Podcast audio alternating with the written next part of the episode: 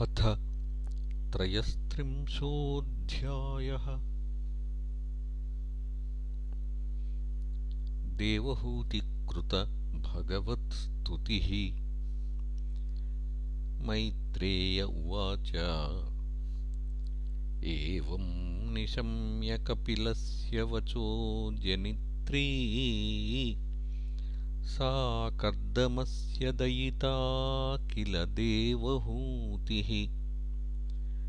विस्रस्तमोहपटलातमभिप्रणम्य तुष्टाव तत्त्वविषयाङ्कितसिद्धिभूमिम्। देवहूतिरुवाच। अथा प्यजोऽन्तः सलिलेशयानं भूतेन्द्रियार्थात्ममयं वपुस्ते गुणप्रवाहं सदशेषबीजं दध्यौ स्वयं यज्जठराब्जजातः स एव विश्वस्य भवान् विधत्ते गुणप्रवाहेण विभक्तवीर्यः सर्गाद्यनीहो विदथाभिसन्धिः आत्मेश्वरोतर्क्यसहस्रशक्तिः त्वं भृतो मे जठरेण नाथ। कथं नु यस्योदरयेतदासीत्। विश्वं युगान्ते वटपत्रयेकः। शेते स्म मायाशिशुरङ्घ्रिपानः त्वं देहतन्त्रः प्रशमाय पाप्मनाम्। निदेशभाजाञ्च विभो विभूतये। यथावतारास्तव सूकरादयः तथायमप्यात्मपथोपलब्धये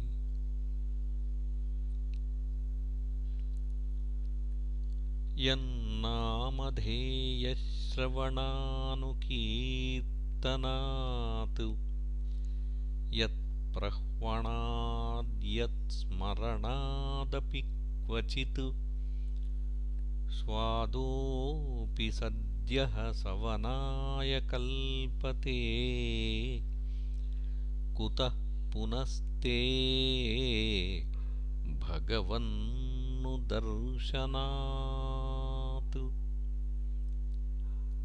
अहो बत गरीयान्।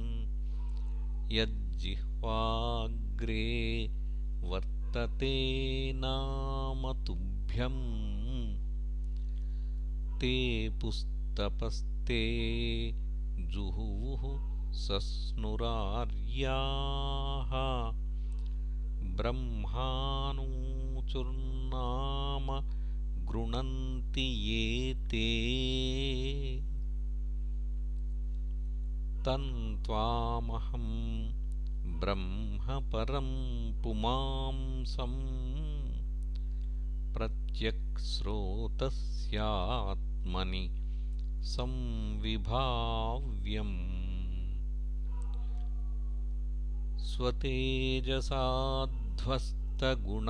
स्वतेजसाध्वस्तगुणप्रवाहम्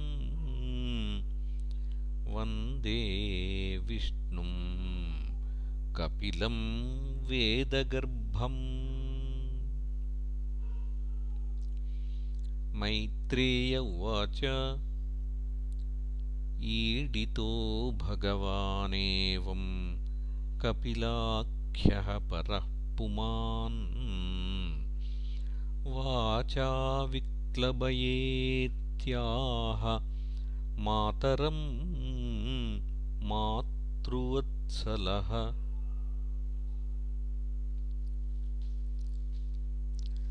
कपिल उवाच मार्गेणानेन मातस्ते सुसेव्येनोदितेन मे आस्थितेन परां काष्ठामचिरादवरोत्स्यसि। श्रद्धत्स्वैतन्मतं मह्यं जुष्टं यद्ब्रह्मवादिभिः। येन मामभवं यायाः मृत्युमृच्छन्त्यतद्विदः मैत्रेय उवाच इति प्रदर्श्य भगवान् सतीं तामात्मनो गतिम्। स्वमात्रा ब्रह्मवादिन्या। कपिलोऽनुमतो ययौ। सा चापि तनयोक्तेन योगादेशेन योगयुक्। तस्मिन्नाश्रम आपीडे सरस्वत्याः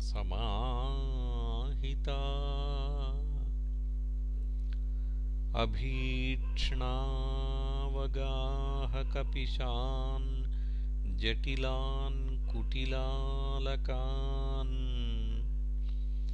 आत्मानं चोग्रतपसा। बिभ्रतीचीरिणं कृशम् प्रजापतेः कर्दमस्य तपोयोगविजृम्भितम् स्वगार्हस्थ्यमनौपम्यम् प्रार्थ्यं वैमानिकैरपि। पयः फेननिभाशय्याः दान्तारुक्मपरिच्छदाः आसनानि च हैमानि सुस्पर्शास्तरणानि च स्वच्छस्फटिककुड्येषु महामारकतेषु च रत्नप्रदीपा आभान्ति ललनारत्नसंयुताः।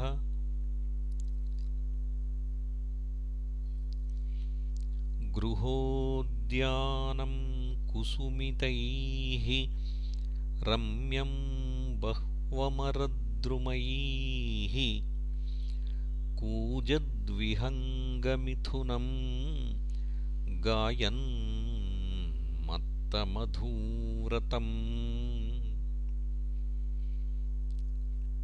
यत्र प्रविष्टमात्मानं विबुधानुचरा जगुः वाप्यामुत्पलगन्धिन्याम् कर्दमेनोपलालितम्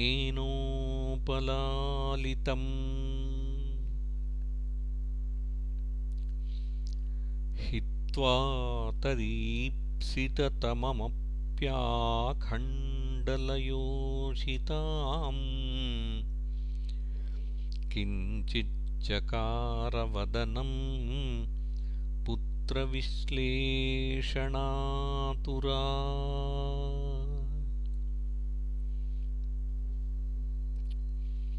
वनं प्रव्रजिते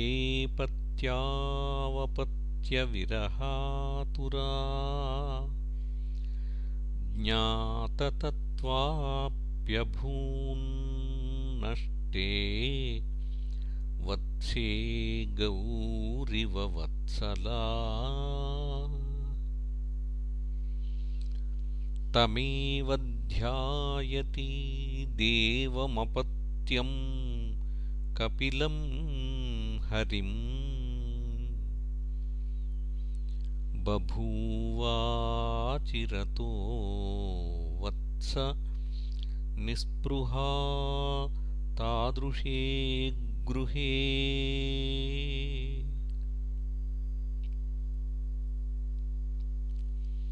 ध्यायति भगवद्रूपं यदाहध्यानगोचरम् सुतः प्रसन्नवदनं समस्तव्यस्तचिन्तया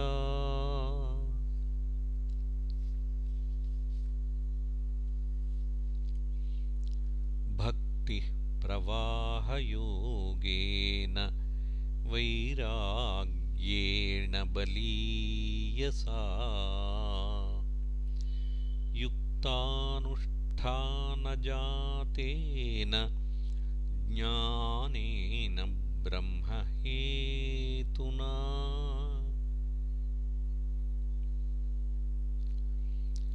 विशुद्धेन तदात्मानमात्मना विश्वतोमुखम् स्वानुभूत्या तिरोभूतमायागुणविशेषणम् ब्रह्मण्यवस्थितमतिर्भगवत्यात्मसंश्रये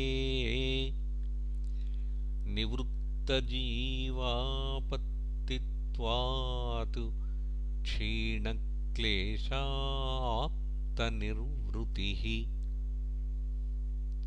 नित्यारूढसमाधित्वात्परावृत्तगुणभ्रमा न सस्मारतदात्मानं स्वप्ने दृष्टमिवोत्थितः। तद्देहः परतः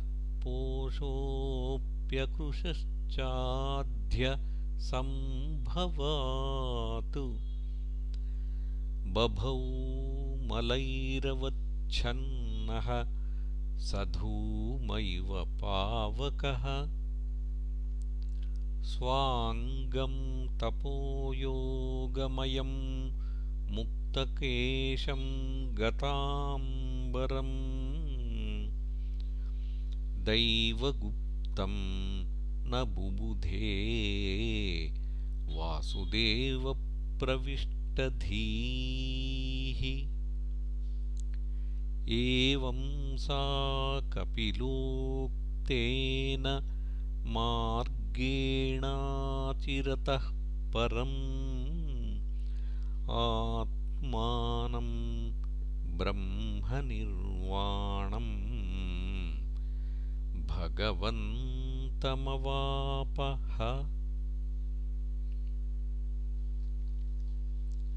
तद्वीरासीत्पुण्यतमं क्षेत्रं त्रैलोक्यविश्रुतम्। नाम्ना सिद्धपदम् यत्र सा संसिद्धिमुपेयुषी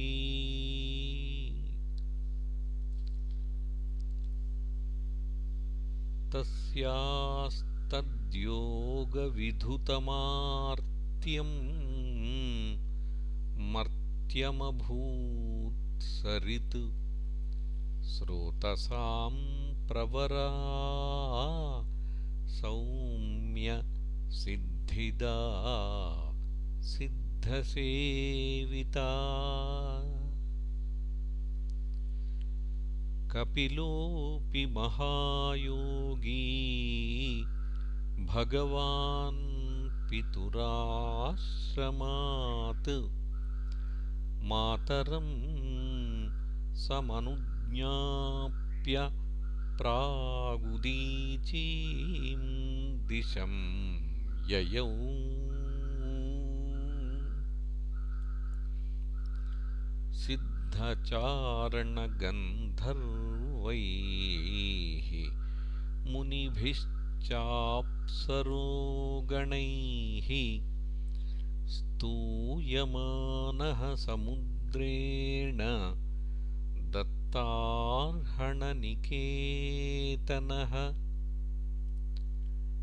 आस्ते योगं समास्थाय साङ्ख्याचार्यैरभिष्टुतः त्रयाणामपि लोकानाम् उपशान्त्यै समाहितः। एतन्निगदितं तात यत्पृष्टोऽहं तवानघ कपिलस्य च संवादो देवहूत्याश्च पावनः।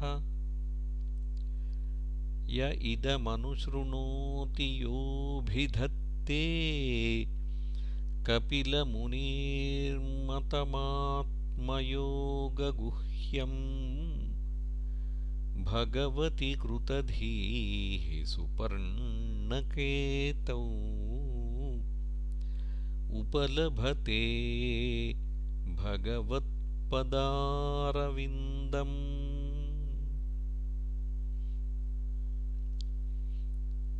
इति श्रीमद्भागवते महापुराणे वैयासिक्याम् अष्टादशसहस्रिकायाम् पारमहंस्यां संहितायाम् तृतीयस्कन्धे कपिलोपाख्यानं नाम त्रयस्त्रिंशोऽध्यायः। इति तृतीयस्कन्धः